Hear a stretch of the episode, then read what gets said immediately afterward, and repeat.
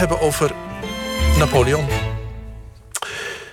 Ehm, want als hij niet was doodgegaan, was hij komende donderdag 250 jaar oud geworden. Hij werd geboren op 15 augustus 1769 in Ajaccio, de grootste havenstad van Corsica. Hij was een eilander, een Corsicaan.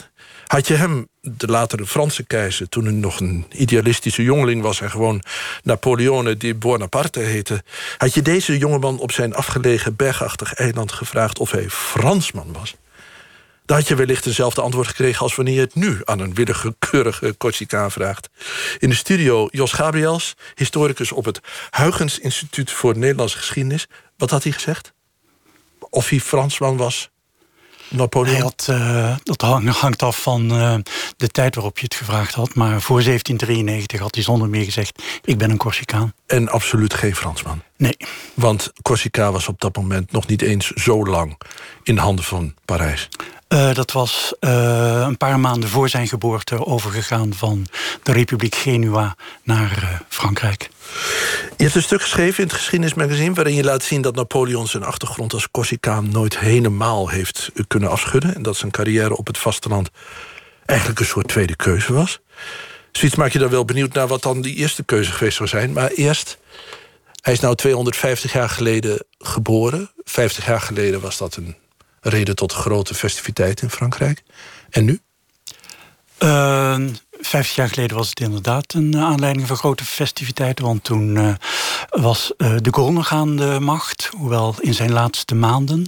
Maar niettemin hebben ze toen een groot aantal activiteiten. televisieprogramma's, tentoonstellingen en wat is meer zij georganiseerd. Maar nu blijft het heel erg stil. wat tentoonstellingen in kleine musea. Hier en daar een, een boek wat wordt heruitgegeven. Maar, Hoe komt dat? Dat komt omdat het beeld van Napoleon in de laatste 50 jaar uh, is gewijzigd. Uh, juist door de viering in, 17, in, 2000, in 1969 um, is er nieuw onderzoek gestart. En het beeld van Napoleon als de, de mythische halfgod die Frankrijk heeft gered, dat is toch wat genuanceerd. En de aandacht is ook verschoven van de persoon Napoleon naar uh, Frankrijk in de uh, Napoleontische periode. Dus het, uh, het, onderzoek is zich ook meer gaan richten op de sociaal-economische geschiedenis van Frankrijk. Ja. Daarbij komt dat ook de negatieve kanten van Napoleon sterker beklemtoond zijn. De, ik neem aan dat hij tenminste, ik neem aan, ik weet niet, of, niet eens of dat klopt, dat hij bij rechts populairder is dan bij links? Uh, het is zonder meer zo dat hij, uh, wat vroeger de Gaullisten waren en nu uh, Les Républicains, dat hij daar in hoger aanzien staat dan, dan bij de Sociaaldemocraten. Ik herinner aan, eraan dat de minister-president onder, onder Chirac, Dominique de Villepin, maar liefst drie boeken aan hem heeft gewijd. Drie delen van een biografie. Ja. dat mogen genoeg zeggen. Ehm, ja, waarom, waarom hij nu minder in de aandacht staat, of minder aandacht zal krijgen, uh, dat komt omdat uh, zowel de Gaullist uh, Sarkozy als de huidige Macron. president Macron ehm, heel graag vergeleken worden met hem. Niet, niet dat zij dat zelf willen, maar uh, Sarkozy, dat was zeker zo. Klein van gestalte, uh, een driftig uh, mannetje door zijn buitenlandse afkomst. Hij is, heeft Hongaarse wortels zijn er ook overeenkomsten. Uh, men noemde hem graag Sarcoleon. En in de spotprenten werd hij dan uh, ook graag uh, met Napoleontische kledij uitgebeeld. Maar Macron apart is er ook, hè? Macron apart is er ook, omdat hij ook bijna net zo jong president is geworden van Frankrijk als Napoleon in 1799.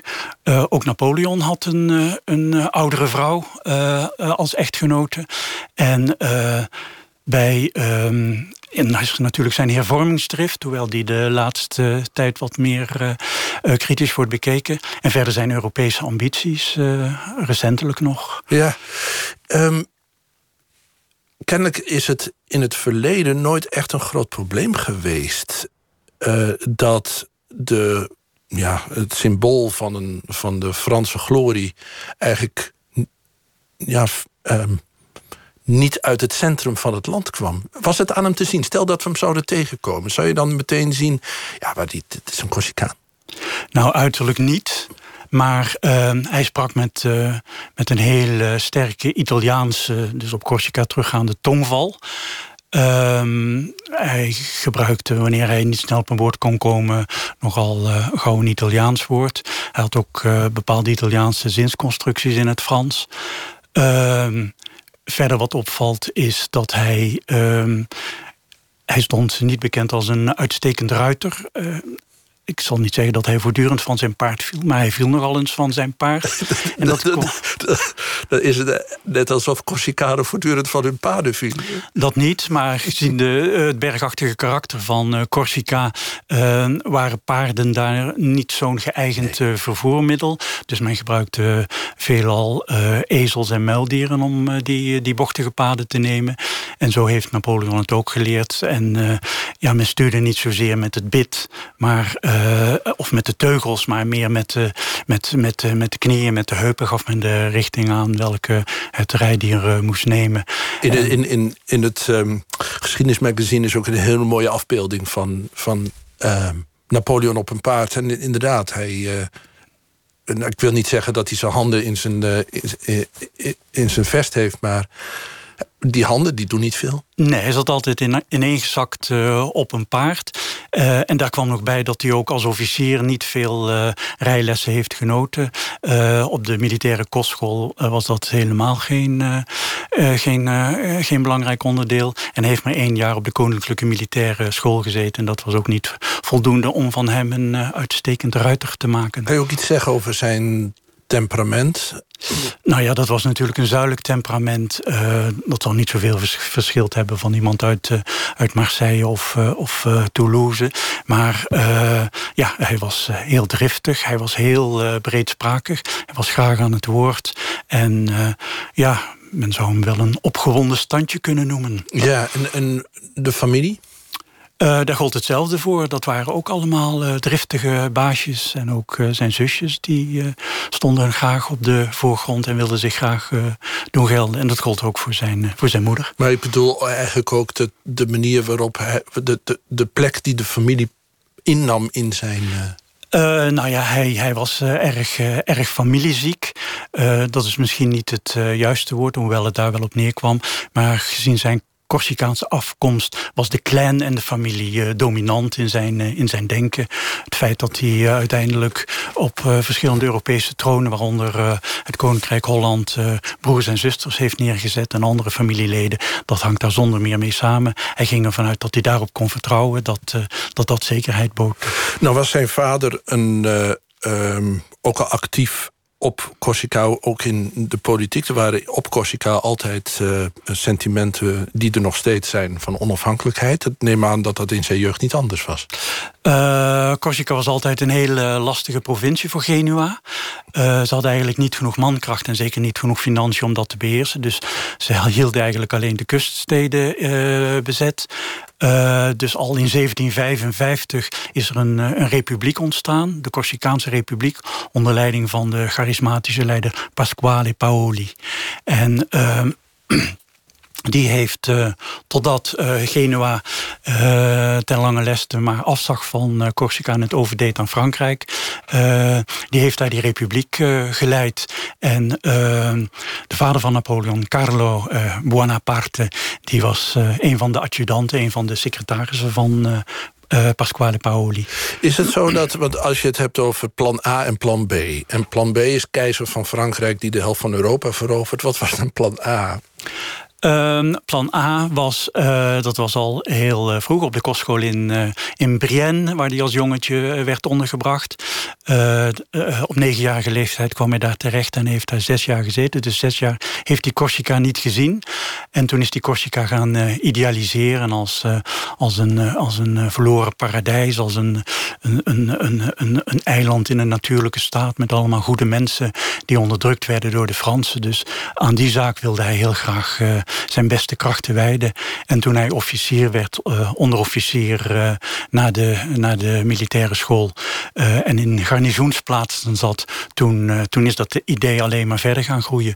Toen kon hij na zes jaar ook weer terug naar, naar Corsica en is hij zich daar intensief met de Corsicaanse politiek gaan bemoeien. Zag hij voor zich een. Um in abstracto wellicht een soort staatshoofd van Corsica. Dat... Ja, uh, uh, toen de revolutie uitbrak, toen is Corsica van een uh, geannexeerd uh, gebied een, een, volwaardig onderdeel geworden van Frankrijk. Toen heeft de, hebben de revolutionaire pa Paoli, die 22 jaar in Londen in ballingschap zat, weer terug laten komen. Dus toen was Paoli weer tussen aanhalingstekens de baas op Corsica. En uh, toen heeft uh, Napoleon samen met zijn oudste broers... hebben zich onmiddellijk aan zijn zijde geschaard. Maar ik moet wel vertellen dat de vader van uh, Napoleon... toen Paoli in ballingschap was in Londen... onmiddellijk de kant van de Fransen heeft, heeft gekozen. En Paoli was dus helemaal niet zo gebrand op Les Fils de Charles. dus de zonen van, van Carlo die waren verdacht. Dat waren zonen van collaborateurs. Bovendien, wat ik net al zei, dat waren opgewonden jongelingen die uh, met uh, verheven idealen waren vervuld. Dus die, die hield hij zoveel mogelijk op, op afstand. Onderlinge strijd was ook de, de eilanders niet vreemd. Nee, nee, nee. nee, nee, Dus um, uiteindelijk liep dat uit op een, um, een conflict waardoor de familie Napoleon zich niet meer welkom voelde op het eiland en heeft moeten vluchten. En om het verhaal maar even heel snel af te maken. Toen was de Corsicaanse droom in duigen en toen, ja, toen lag de rest van. Toen werd het Frankrijk. Toen werd het Frankrijk. Toen heeft hij zijn scheep eigenlijk achter zich verbrand. Is hij naar, uh, naar Zuid-Frankrijk gegaan. En daar uh, was het geluk hem onmiddellijk aan de kant. Want toen, toen werd hij daar betrokken bij een belegering... die hem een generaalsrang opleverde. Van Toulon, zo, ja. ja. ging zijn carrière crescendo. En de rest is geschiedenis. Ja, Jos Gabriels, dank voor je komst naar de studio.